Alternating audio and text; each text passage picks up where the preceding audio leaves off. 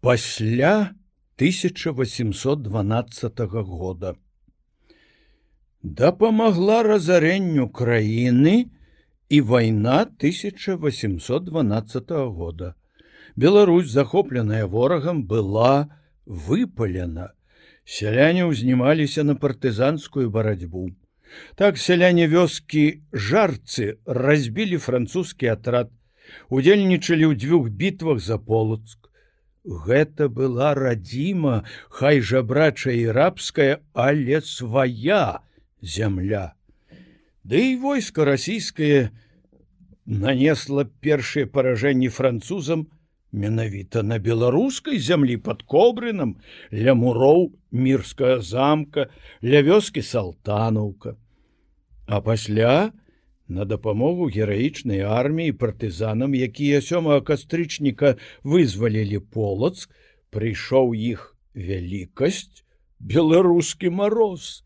Адступаючая армія французская раставала на вачах. Няшчасныя людзі, сагнаныя вялікім чалавекам пад ружо, кінутыя на захопніцкую вайну ў чужы край, ели трупы.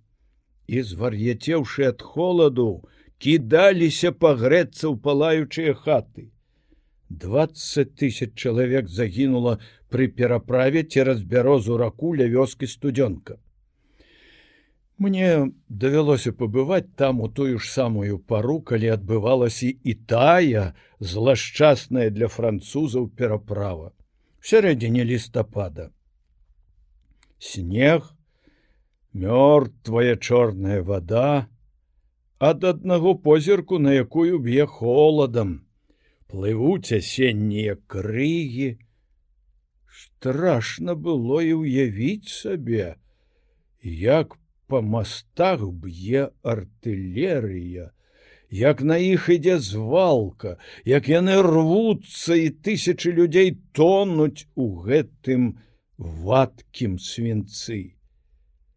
Ясна, ніхто іх не зваў, ясна, наша справа была святой справа і ўсё ж, Хай яны будуць праклятыя вайна ўварванне пагібель людзей сілком дзеля нейкіх там вышэйшых меркаванняў сагнаных уладарамі душ і імперый падсцягі Ды што змянілася военные пасяленні аракчеўшчына голад памешчык тых самых жарцаў уласнаручна хвастаў да паўсмерці былых партызан а яны ў вайну насілі на шапках крыжы прысвоеныя апалчэнцам з прыгаворкаю вот вам французы вот вам вольнасць вот вам крест нават уладары бачылі сілу прыгнёту у цыркуляры мінскага губернатара до пельмайера 1842 год писалася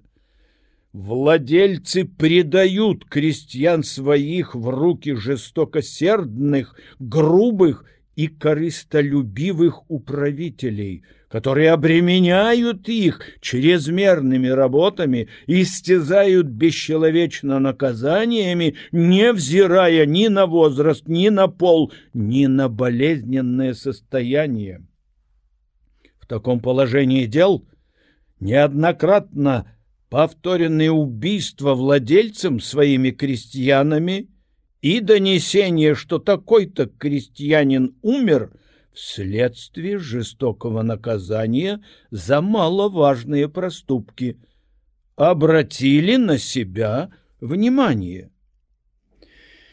Селянские хваляванні ахапілі все губерні З набатам, з доўбнямі, з увядзеннем воінскіх каманд, стрэламі і смяротнымі прысудамі. Нестерпнасць становішча разумелі і лепшыя прадстаўнікі дваранства. Многія дзекабрысты жылі на Беларусі, некаторыя былі адсюль родам. Былі тут і свае арганізацыі. Грамада ваенных сяброў, напрыклад, Яны сарвалі прыцягу мікалаю першаму у часцях асобнага літоўскага корпуса, зрабілі спробу сіламі палтаўскага палка захапіць бабруйскую крэпасць. Верхаводы Ільгенстром, Грынявіцкі, шляхціцы вронскі і высоцкі, афіцеры трусаў і троіцкі былі прысуджаны да Сібіры, многія да вечна катаржнай працы. Беларусь хавала некаторых з іх кюхельбекера, скажам, які даўжэй за ўсіх унікаў арышту на бясконцах беларускіх дарогах. Яшчэ да декабрыстаў склалася таемнае таварыства філаматаў у віленскім універсітэце 1817 год. У грамаду ўваходзілі беларуска-польскі паэт і фальклорыст Ян Чачот, Адам Міцкевич, будучы славуты падарожнік Ігнат Дамейка, адзін з першых паэтаў рамантыкаў Томаш Зан і многія іншыя. Філаматы спачатку толькі чыталі французскіх асветнікаў 18 стагоддзя, вывучалі побут селяніна яго фальклор, тайныя пасяджэнні яны праводзілі на прыродзе, летне ўсе яны мелі талент паэтаў. Паступова члены згуртавання зразумелі, што галоўны вораг не цемра і неадукаванасць, а царызму яны пачалі рыхтаваць сябе да нацыянальна-вызваленчай барацьбы. 1821 год таварыства філаматаў ператворана ў таварыства філарэтаў. Юнакі гараць нянавісцю да царызму, патрыятызм іхніх вершаў і прамоў даходзіць да кіпення, але, нягледзячы на строгую канспірацыю, таварыства выкрыта Чачот, Міцкевич, Зан, іхнія сябры кінуты ў турму, у былы уніяцкі кляштар. Допыт вёў езуіцкімі прыёмамі рэдкі мерзотнік, сенатар навасільцаў, прыбіты пазней Міцкевічам да ганебнага слупа ў трэцяй частцы паэмы дзяды. Юнакі вялі сябе годна. Спявалі ў камерах, чыталі патрыятычныя вершы, Чачот спяваў аднойчы беларускую песню ўласнага сачынення. Да лятуць лятуць да дзікія гусі да нас павязуць да далёкай русі іх і павезлі саслалі ў далёкія губерні. Але і пра шмат год міцкевич мабыць успамінаў як ён і сябры збіралі легенды і пісалі па іх сюжэтах балады, як для іх народнасць азначала між іншым і тую мову, на якой гаварыў народ, сярод якога яны жылі, якой яны цудоўна валодалі беларускую мову як ствараліся на гэтай мове сцэнкі і хоры, як ён прыехаў у вільню на свае імяніны і яго сустрэлі словамі едзе міленькі адам глядзіце аунь аунь ды ён харашэнькі сам пад ім вараненькі конь І ўсё гэта успомніўшы вялікі паляк да труны ўдзячны беларусі і закаханы ў е таксама да труны, сказаў пра занядбаную мову, пра нашы свой народ высокія словы, хаця сам і пісаў на мове польскай. З усіх славянскіх народаў русіны, это значыць сяляне пінскай часткова мінскай гродзенскай губерню, захавалі найбольшую колькасць агульнаславянскіх рыс.